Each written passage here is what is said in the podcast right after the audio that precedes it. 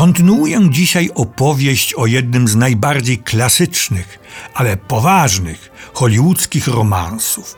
Oczywiście dawnych, sprzed kilkudziesięciu lat. Dzisiaj nie ma już takich kochanków i takich kochanek. On, potężny magnat prasowy, o nieograniczonych możliwościach, nie tylko finansowych, szara eminencja amerykańskiej polityki, William Randolph Hearst, sportretowany genialnie, ale niedosłownie przez Orsona Wellesa w filmie Obywatel Kane. Ona, Marion Davis, blond chórzystka, którą on pokochał, uwielbił i postanowił uczynić gwiazdą. Prasa herstowska chwaliła ją bez umiaru. Prasa niezależna nie pozostawiała na niej suchej nitki.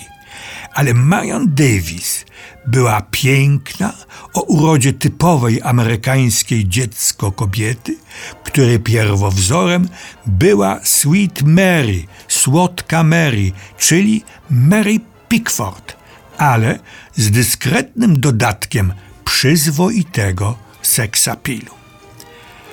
Tylko, że ten model zachwycił Randolfa Hersta, natomiast nie porywał już widzów kinowych. To były lata dwudzieste, lata szalone, grzeszne, żeby nie powiedzieć rozwiązłe, lata jazzu i obyczajowej swobody. A Randolph Hearst, na przekór nowym czasom, chciałby Marion nie była tylko jego kochanką, ale została jego legalną żoną. Tylko, że był on już żonaty, a żona nie chciała mu dać rozwodu. Marion, dla jasności, nie była głupią gąską. Wiedziała, że musi nauczyć się grać i uczyła się, grając z takimi aktorami jak Clark Gable, Gary Cooper czy Bing Crosby. Efekt musiał być dobry, skoro wytwórnia MGM zaproponowała jej kontrakt wynoszący 10 tysięcy dolarów tygodniowej pensji. Marion Davis wiedziała też, że musi sama zadbać o swoją finansową sytuację, co jej się zresztą znakomicie udało. Inwestowała w nieruchomościach. Kiedy nastał wielki kryzys i nawet jej potężny protektor znalazł się w tarapatach, mogła go wesprzeć milionem dolarów. Zanim to nastąpiło, William Hearst wybudował dla swojej ukochanej w Los Angeles pałac San Simon za 30 milionów dolarów. Wnętrza meble i dzieła sztuki kosztowały go 40 milionów dolarów. Pałac ten miał 100 pokojów, w tym 58 sypialni, kilkadziesiąt łazienek, które pełniły również funkcję barów. W skład tej posiadłości wchodził m.in. kościół, rozebrany w Hiszpanii i po przewiezieniu do Ameryki złożony kamień po kamieniu. W ogrodzie żyły egzotyczne zwierzęta żyrafy, lwy i tygrysy. W pałacu tym bywali prezydenci, mężowie stanu, przykład Winston Churchill, oraz intelektualiści i artyści, choćby George Bernard Shaw.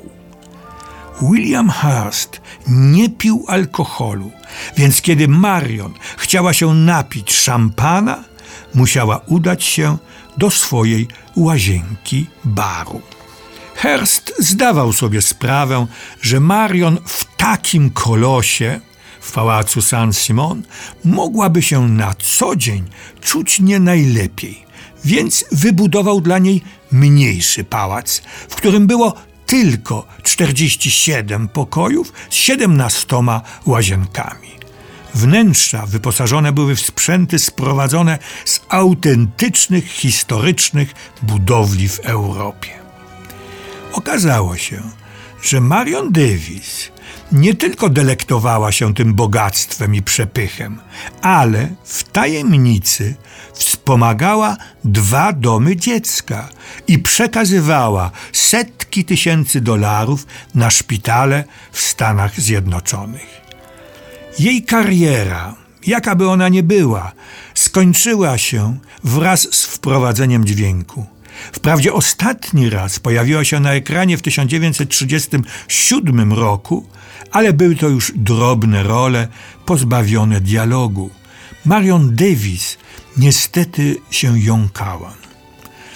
Tym samym czasie następował zmierzch imperium prasowego Williama Hearsta. W 1947 roku miał on rozległy zawał serca. Zaczął stronić od ludzi. Marion stała się jego prawą ręką. Nie tylko przekazywała jego decyzje, ale i sama je podejmowała. Opiekowała się nim z oddaniem do ostatnich chwil krytycznej nocy 14 sierpnia 1951 roku przysnęła w czasie czuwania przy łóżku ukochanego. I ten moment wykorzystali jego synowie i wykradli ciało ojca. Rodzina miała pretensje o wpływ, jaki Marion miała na niego. Z żalem i goryczą powiedziała do przyjaciela – Należał do mnie. Kochałam go przez 34 lata, a teraz odszedł. Nie mogłam nawet powiedzieć mu do widzenia. Ale wiedział, co do niego czułam, i ja wiem, co on czuł do mnie. W czasie pogrzebu, jak stwierdzają kronikarze, pozostała w ich zaciemnionej sypialni. Trzymała na kolanach jego jamnika – to było wszystko, co wzięła dla siebie po Williamie Randolfie Herście.